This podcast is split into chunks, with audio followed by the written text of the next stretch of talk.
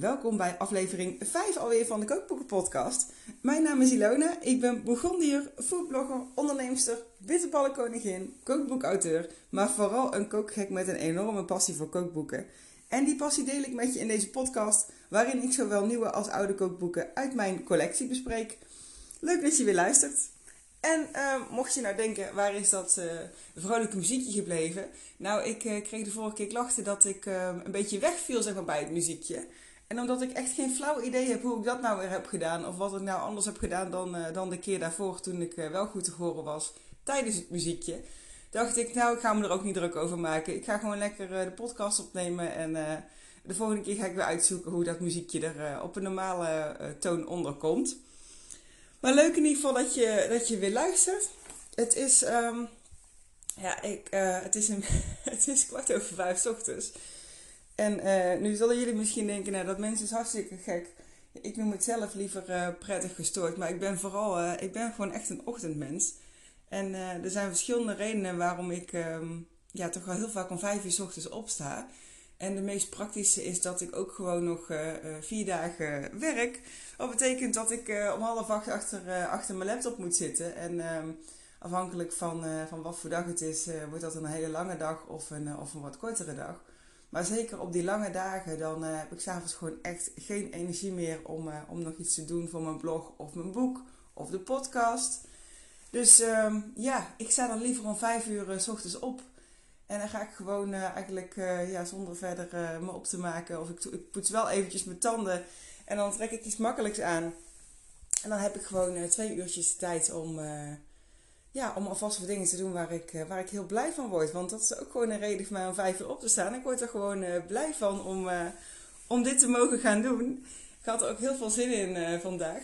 Omdat, het, omdat er nu een weekje langer tussen gezeten heeft. Maar ik wilde hem per se vandaag online hebben. En ik dacht, ik ga hem gewoon weer een keertje opnemen. Want uh, man lief, die slaapt uiteraard gewoon nog een kwart over vijf ochtends op vrijdag.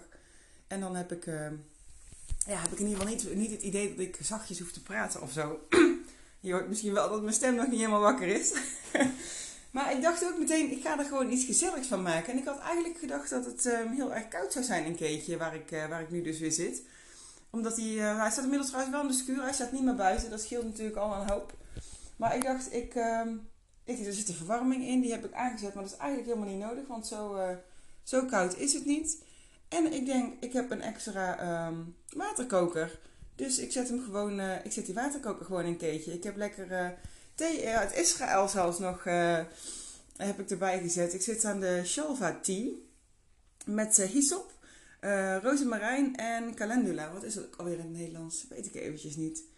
Maar die heb ik uh, toegestuurd gekregen van, uh, van vrienden uit Israël. Omdat wij dit jaar uh, ja, helaas niet, niet op bezoek konden komen. Maar nou, zo hebben we toch nog een beetje smaken van Israël in huis. Dus ik zit lekker met mijn theetje en mijn kookboeken en mijn telefoon dus ehm, de, de podcast op te nemen. En ik ben ook nog steeds een beetje zoekende naar het juiste format. Uh, moet ik wel format hebben? Ja, ik denk dat dat toch wel makkelijk is. Ook, uh, ook uh, fijn voor mezelf, maar ook misschien wel fijn voor de luisteraars. Dat ze een beetje weten wat ze kunnen verwachten. Dus nu had ik ook bedacht van... Is het misschien leuk als ik wel even aan het begin van de podcast even terugblik op... nou, eigenlijk sowieso op reacties ehm, die ik heb gekregen. Ik ben er nog steeds eigenlijk van onder de indruk... dat ik door over mijn kookboeken te kletsen zoveel meer ehm, ja, interactie ook heb met, met volgers daarover. En jullie laten mij ook nog steeds allemaal weten waar jullie de podcast luisteren. Ik word zelfs geluisterd op vakantie in Italië en um, in, in Zweden word ik al geluisterd. En tijdens allerlei verschillende activiteiten, zoals fietsen en strijken en opruimen. En dat is gewoon super grappig om, om te horen van jullie. Maar, uh, maar en ook welke kookboeken jullie gekocht hebben, vind ik ook super grappig. Blijf mij daar vooral in taggen. En ja, super grappig om, om zo te zien dat ik jullie daarmee inspireer. Ook om lekker ofwel de keuken in te duiken, ofwel gewoon lekker met een boek op de bank te gaan zitten. Dat mag natuurlijk ook. Daar, daar zijn kookboeken ook voor bedoeld. En ik dacht, misschien is het ook wel leuk, want ik, um, ik klets natuurlijk ook regelmatig over, nou ja, als ik het al uitgekookt heb uit het boek, over de recepten die ik gemaakt heb. Maar ook uit kookboeken waar ik nog niet heb gekookt, uh, wat mij dan aanspreekt. Of uh, ja, waar ik spontaan trek van krijg wat op mijn to-cook lijstje gaat. En ehm, inmiddels heb ik ook een aantal recepten die ik eerder heb besproken in de podcast gemaakt. En ik dacht, ja, het is misschien ook wel leuk om daar nog eventjes op, op terug te blikken. Van god, uh, beviel het eigenlijk wel, waren ze lekker? En uh, een, een receptje waar ik echt meteen enthousiast over was toen ik het las, dat was de parmezaancrème met anchovistoast uit Alles over kaas. En dat boek ehm, besprak ik in podcast nummer 2. En nou, uiteindelijk zeg maar, was het ook super lekker. Dat is echt een heel leuk receptje om eens een keer te maken. Het jammere was wel dat ehm, de, de tijd, de overtijd, die klopte echt helemaal niet. Er stond dat, uh, dat die crème, en je moet het eigenlijk zien, uh, het is een beetje te vergelijken met een soort van uh, crème brûlée. Maar dan dus met parmezaanse kaas, dus hartig. En het, in het recept stond dat hij maar een kwartiertje, zeg maar, au bain-marie in de oven moest. En ik had um, eters. Ik had Tamara van de blog aan tafel met Tammy over de vloer voor de lunch. En um, ja, na een kwartiertje gingen kijken en het was echt gewoon nog uh, vloeibaar. dus de stress uh, sloeg al licht toe. En ik heb nog even snel gegoogeld van ja, maar hoe, lang moet dan normaal eigenlijk een crème brûlée in de oven? Nou, dat is gewoon een stuk langer. Dus uiteindelijk heeft hij denk ik um, een dikke drie, nee, drie, ja, drie kwartier wel in de oven gezet, voor 45, 50 minuten. En toen was die, uh, ja, toen was die gelukkig alsnog goed. En ik heb gewoon in de tussentijd nog extra bitterbal geserveerd. Dat daar hoor ik nooit iemand over klagen. Maar uh, nou ja, altijd, wel, uh, altijd wel even spannend, uh, spannend dus. En dat is ook eigenlijk de reden waarom ik probeer om, als ik etels krijg, zeker als dat, eh, als dat mensen zijn die nog nooit eerder zijn geweest of die ik gewoon niet zo goed ken, dan vind ik dat ik eigenlijk mezelf die stress niet op de hals moet halen van een nieuw recept. En ehm, waarom ik het liefst eigenlijk altijd recepten kook die ik dus al een keer gemaakt heb, omdat ik dan weet of ze wel of niet kloppen. Maar goed, uiteindelijk is het helemaal goed gekomen. En ook de anchovy toast erbij was, uh, was erg lekker. Dus uh, zeker een, een aanrader als, als voorgerechtje. Ook misschien wel tijdens de feestdagen. En een ander recept wat ik ook heb gemaakt uiteindelijk, omdat ik, ja, omdat ik die voorbij zag komen in dat boek tijdens het bespreken van de podcast, was een recept uit een druppel rozenwater die ik langs liet komen in podcast nummer 1. En dat was een, ja, ik heb het boek nu dus eventjes niet bij de hand. Maar het was uit mijn hoofd een uh, gemarmerde uh, cake met citroen, yoghurt en maanzaad. En um, een ontbijtcake. Nou, dat, alleen al dat idee zeg maar, om te ontbijten met cake vond ik al geniaal. En uh, die was hartstikke goed gelukt op het gemarmerde effect na. Maar dat, dat ligt helemaal aan mijzelf. Want ik ben daar gewoon... ja, ik ben er gewoon niet zo goed in om van die swirls overal in te maken. Ik meng gewoon alles door elkaar en, en dan smaakt het ook lekker. Dus ehm, die was ook goed gelukt dacht, vinden jullie ook, uh, ook misschien wel leuk om eventjes te horen. Behalve dat ik nog een beetje zoekende ben naar het juiste format voor deze uh, kookboeken podcast, ben ik ook nog een beetje aan het zoeken naar hoe ik, uh, dat vind ik zelf namelijk heel belangrijk, hoe ik een onafhankelijke kookboeken podcast uh, kan blijven. Want ik heb dus nu eigenlijk alleen maar kookboeken besproken die ik gewoon zelf heb gekocht. De meeste van mijn kookboeken zijn trouwens zelf gekocht. Het is alleen geen goedkope hobby. Dus uh, dat lukt me, lukt me niet altijd om dan bijvoorbeeld ook de nieuwste kookboeken meteen uh, aan te schaffen. En daar ben ik ook uh, toen destijds met mijn blog Brood en Wijn ben ik begonnen met af en toe een recensie-exemplaar aan te vragen bij uitgevers. Over boeken waar ik zelf al enthousiast over, over was. En dat, dat blijf ik ook doen. Dus jullie gaan binnenkort ook wel een keer ehm, kookboeken horen die, ik, die wat nieuwer zijn en die ik gekregen heb van de uitgever. En ik denk ook dat ik zelf door. Uh, ik ben uh, niet uh, met een uitgever getrouwd. Sterker nog, ik ben zelf uitgever. En ik heb in die zin, ja, heb ik, ben ik, heb ik geen verplichtingen daar naartoe. En ben ik ook altijd gewoon, dat weten mijn, weten mijn lezers en, volgers op Instagram ook. Ik ben daar altijd heel, heel open over en heel eerlijk in.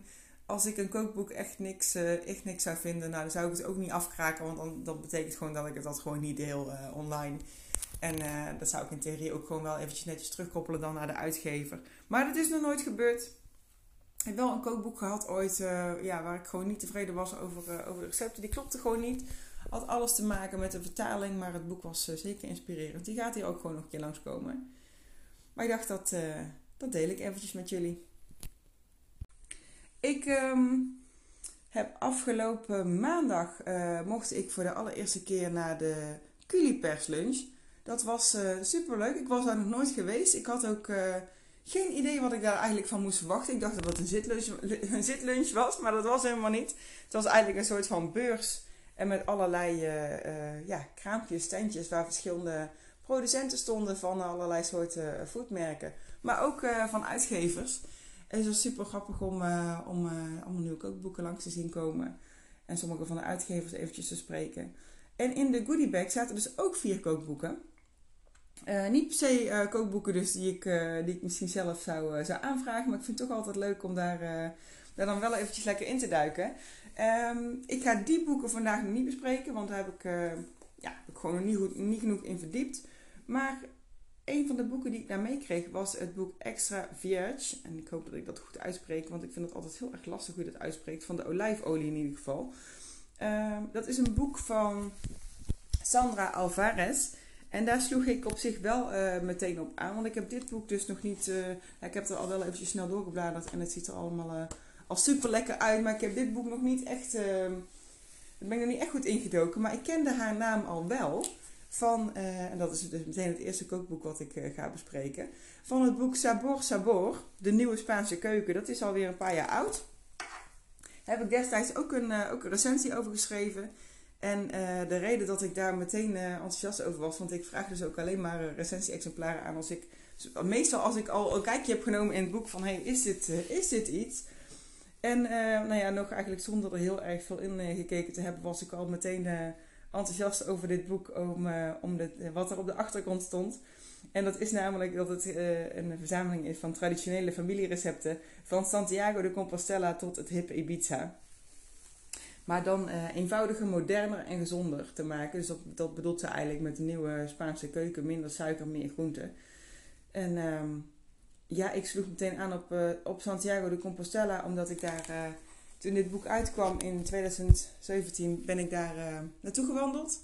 In drie maanden heb ik nog steeds hele, hele warme herinneringen aan. En, en ook zeker aan het eten wat ik onderweg proefde. Als je ooit in de gelegenheid bent om naar Galicië te gaan of, uh, of een ander gebied in, Noord, uh, in Noord-Spanje, dan uh, is dat culinair gezien zeker de moeite. Dus ik was gewoon heel erg benieuwd naar de recepten die erin stonden. Ik kende haar trouwens niet, de auteur Sandra. Um, zij is schijnbaar deelnemster geweest van ehm, Masterchef in 2015. Maar ik, ik, ja, ik kijk gewoon heel zelden televisie. En de meeste, de meeste bekende Nederlanders die ik dan ken, die zijn voor mij bekende Nederlanders omdat ik ze bij uh, Expeditie Robinson heb gezien.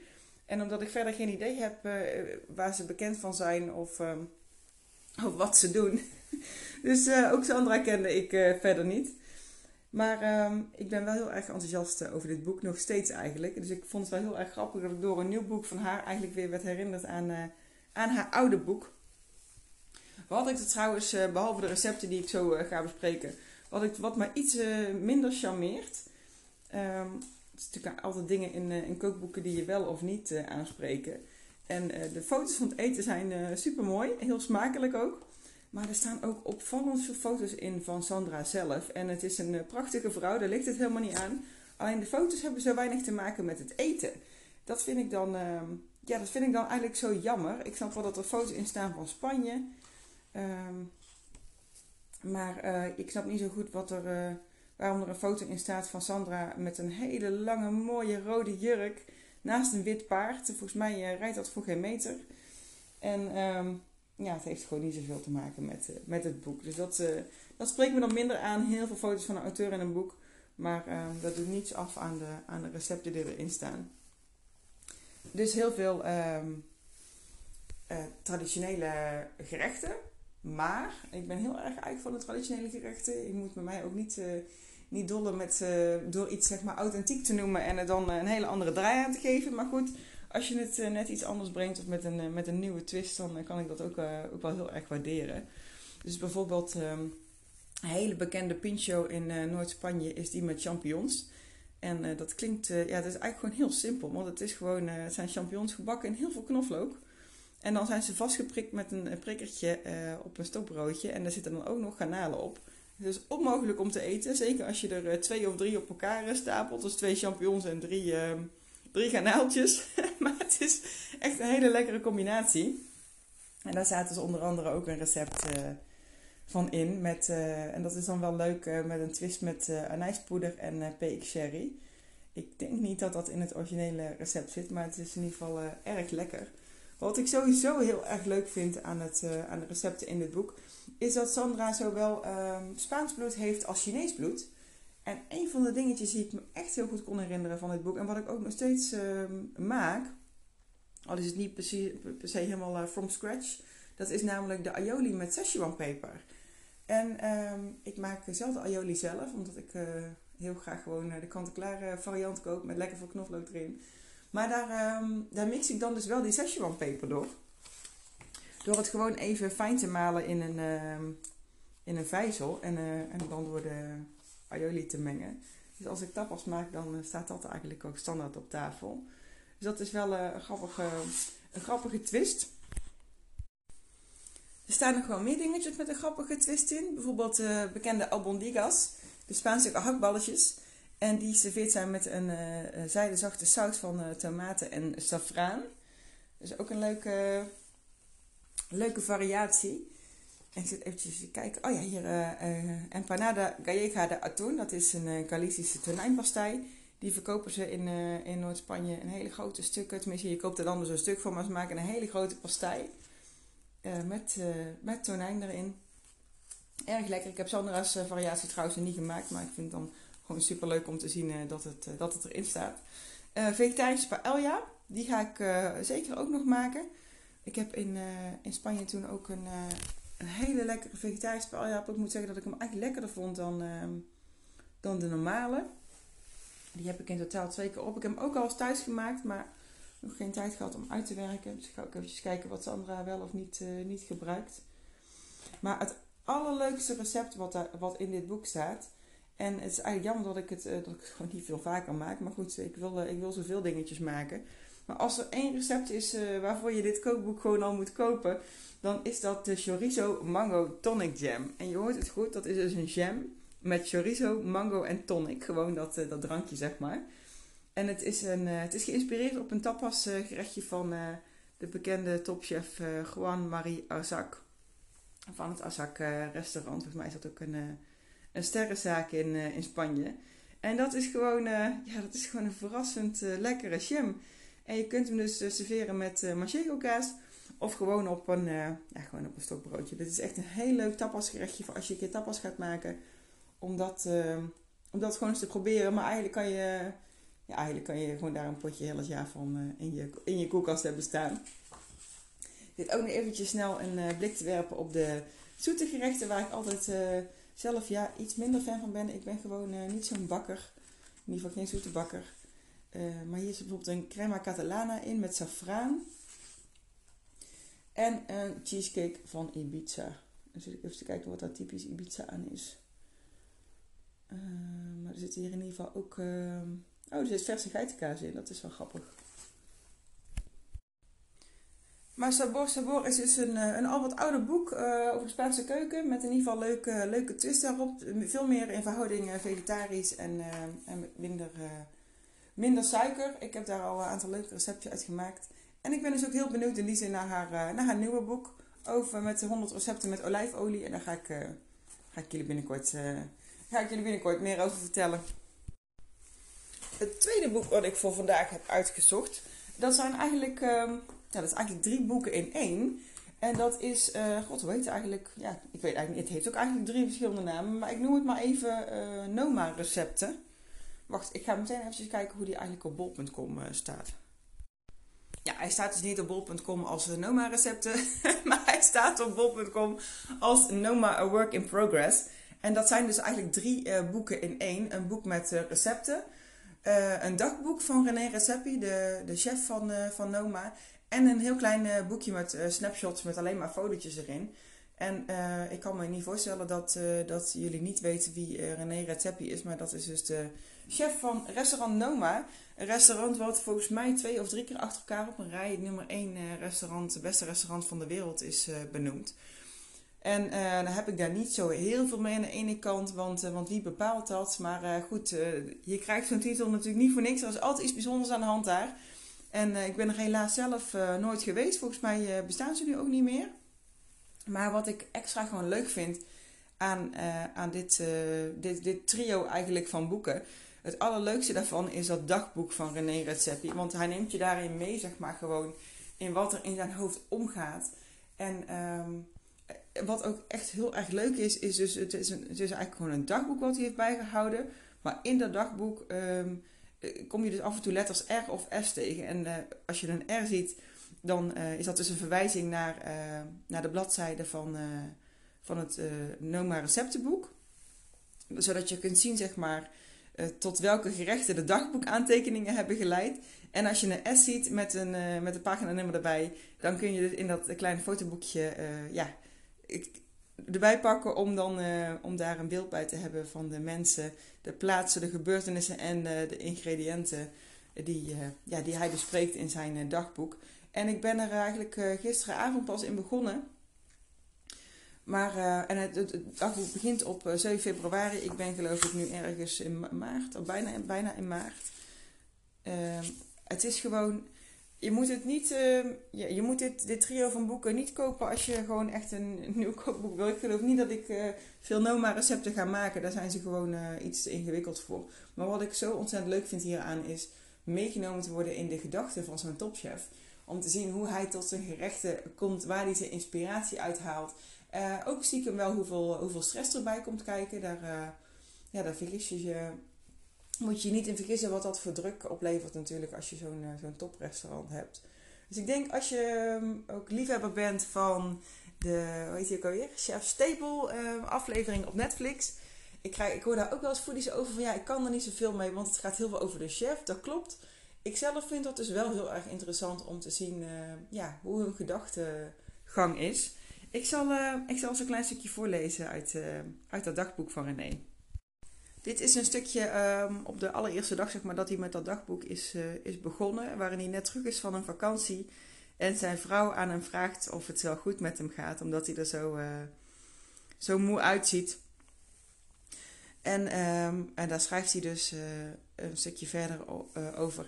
Ik was uitgeblust. Succes is prachtig, maar het kan ook gevaarlijk zijn. We waren ineens een toprestaurant geworden en hielden ons nu bezig met vragen als... Moeten we echt tafelzilver kopen? Moet de bediening geen uh, kostuum dragen. Alsof het eten beter wordt met een strikje om.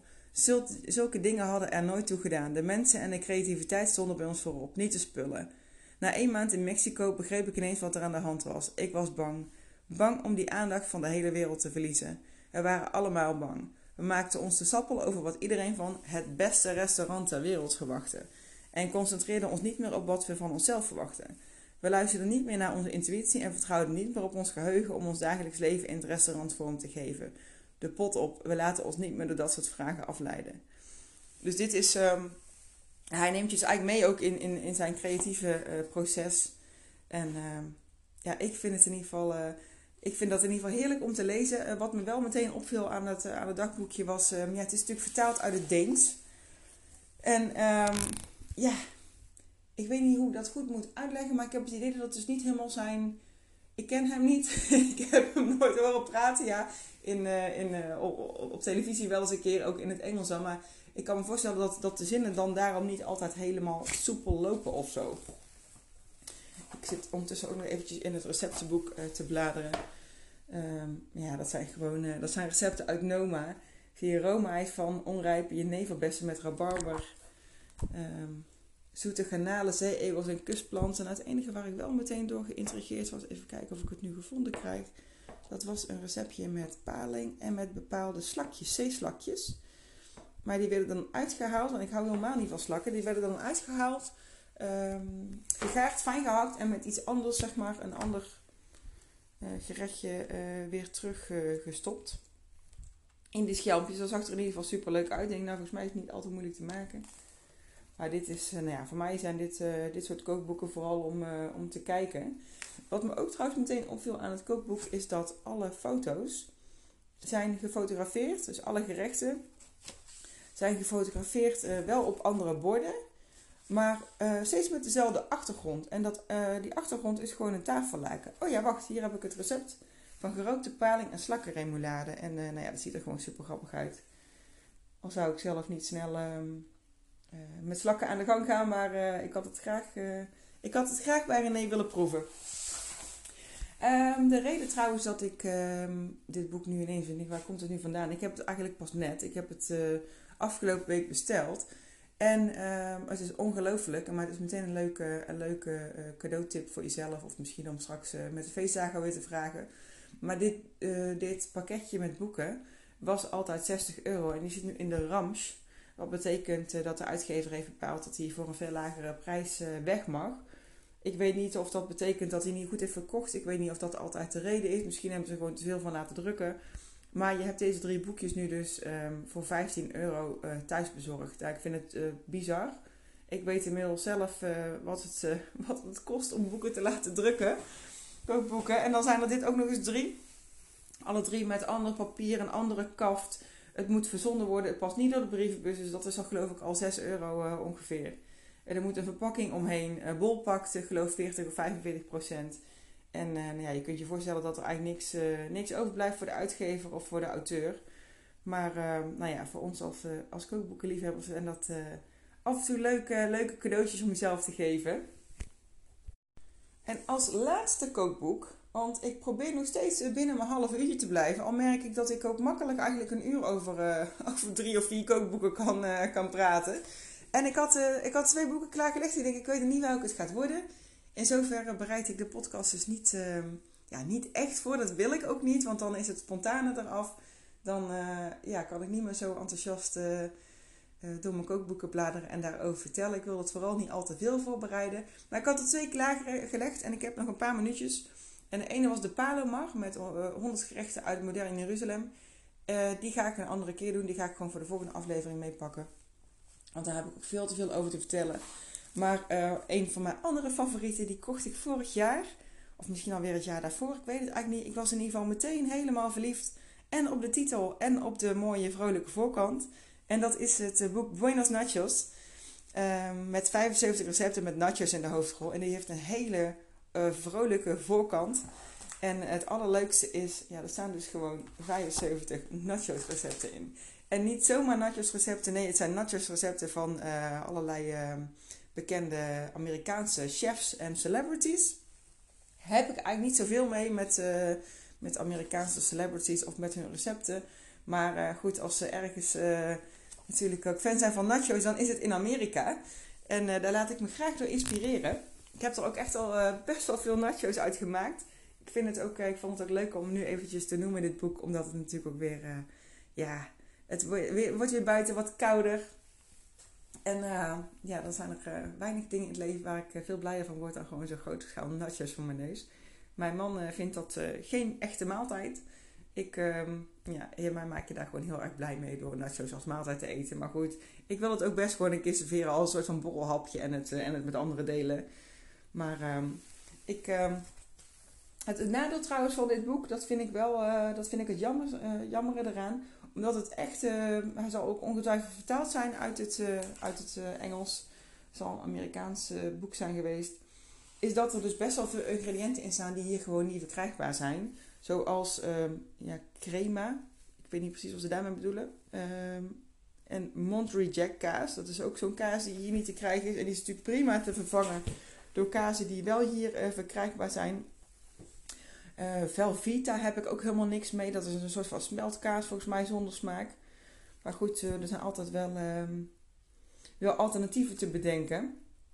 Maar dat vind ik dan eigenlijk het, uh, ja, het, het jammere van zo'n, van zo'n boek. Er staan heel veel ehm, ingrediënten in die, die hier in ieder geval niet zo makkelijk in de supermarkt verkrijgbaar zijn. Ik word ook altijd heel erg blij als ik in Amerika ben in de supermarkt. Denk, oh kijk, hier hebben ze wel die kaas die ik dan in een receptenboek zie. Maar goed, daar heb ik op dat moment dan uh, niet zoveel aan. Een aantal van mijn favorieten. Even kijken. Mijn absolute nummer 1 favoriete nachos recept uit het boek zijn de pulled pork nachos met peterselie saus en fontina. Uh, dat recept staat ook op, uh, op mijn blog worstenbrood en wijn.nl. Ik heb uh, toen meteen gevraagd aan de uitgever: oh, mag ik dat recept alsjeblieft delen? Want hier word ik zo blij van. En um, je maakt dus een, uh, een peterselie saus. Dus je komt hier geen tomatensaus aan te pas. En je gebruikt gewoon de mais tortilla chips, pulled pork, fontina dus. Die heerlijke smeltkaas. Ingelegde rode ui, serrano pepers en avocado's. En dat is gewoon een geweldige combinatie. Een ander, een ander nachos recept waar ik ook heel blij van werd Eh, ik heb ook gewoon een, uh, een voorliefde voor uh, lekkere smeltkazen en lekkere vet eten. Maar dat zijn de nachos met ene confit. Dus ik pak daar gewoon uh, confit de voor uit blik. Die kun je tegenwoordig best in de Nederlandse supermarkt vinden. En er zit verder dus ook met tortilla chips, taleggio weer. Gebruik ik voor die andere, dat andere recept gebruik ik ook wel eens een andere kaas volgens mij. Dat staat wel in mijn, op mijn blog. daar gaat rode peper, relish op. Uh, nog wat honing, zure room, lente-ui, ja, jalapeno pepers en vers koriander. Ik, heb, uh, ik vond dit ook zo'n lekker, uh, zo'n lekker recept. Ik heb dit geprobeerd in een bitterbal te verwerken, uiteraard. Dus, um, hoe heet het, confit. Confit de canard met, met taleggio en die rode peperrelish. Maar hij is nog niet helemaal naar mijn zin. Was te veel kaassmaak, maar ja, ik ga wel kijken of ik deze smaak dus in een bitterbal kan verpakken. recepten die ik zelf nog niet heb uitgeprobeerd. Maar die wel, die me ook super lekker lijken. Het, zijn dus ook, er zijn ook recepten in zonder tortilla chips. Dat dan, zeg maar, dan worden de nachos gemaakt met, um, met een ander ingrediënt. Bijvoorbeeld bij de Merkes nachos met harissa en tarin. Een beetje de Midden-Oosterse, Israëlische nachos recept. Daarbij zijn de nachos dus eigenlijk pita broodjes die je in, in stukjes snijdt. En ja, god, Merkes worstjes, harissa, olijven uh, tahin dus, uh, zatar, het specerijenmengsel uit Israël. Heerlijke combinatie. En uh, in een andere recept worden bijvoorbeeld in plaats van tortilla chips worden lotuswortelchips gebruikt als nachos. Met spek, kimchi en romige mais. En ik heb sowieso een beetje een, een voorkeur voor, voor kimchi. Ik moet daar ook nog iets mee doen met, met bitterballen. Maar nu zie ik ook weer deze nachos staan. En er staan ook, ja, dat, daar ben ik zelf dan iets minder fan van. Maar god, voor de voor de liefhebbers staan er ook eh, zoete nachos in. Dat, uh, ja, nee, dat is, dat is toch niet mijn ding. Met zoute banaan en nou, zout karamel vind ik wel lekker, maar ik hoef er geen tortilla chips bij. En dat was wat ik, wat ik vandaag met jullie wilde delen. Buenos Nachos dus van Gina Hamadé. Nou, ik ken haar niet. Ze zal het ongetwijfeld hebben samengesteld met, met allerlei bekende Amerikanen, dus Rachel Ray zie ik hierin staan ook met bont en blauwe nachos. Er zijn ook nachos uh, van, uh, van blauwe, blauwe mais. Met een soort van gazpacho salsa. En nou ja, het ziet er allemaal, het ziet er allemaal super lekker uit. Maar ik zit alweer over mijn tijd heen.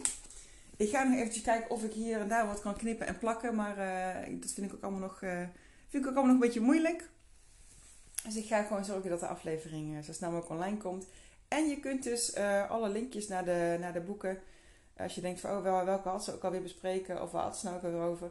Je vindt ze allemaal terug op uh, kookboekenpodcast.nl. En die leid je dan door naar mijn worstenbrood en wijn website. met daarop een aparte pagina waar alle, alle besproken kookboeken en alle podcasts heel overzichtelijk bij elkaar staan. Dus voor nu ga ik je alvast een fijn weekend wensen, mocht je dit nog op vrijdag luisteren.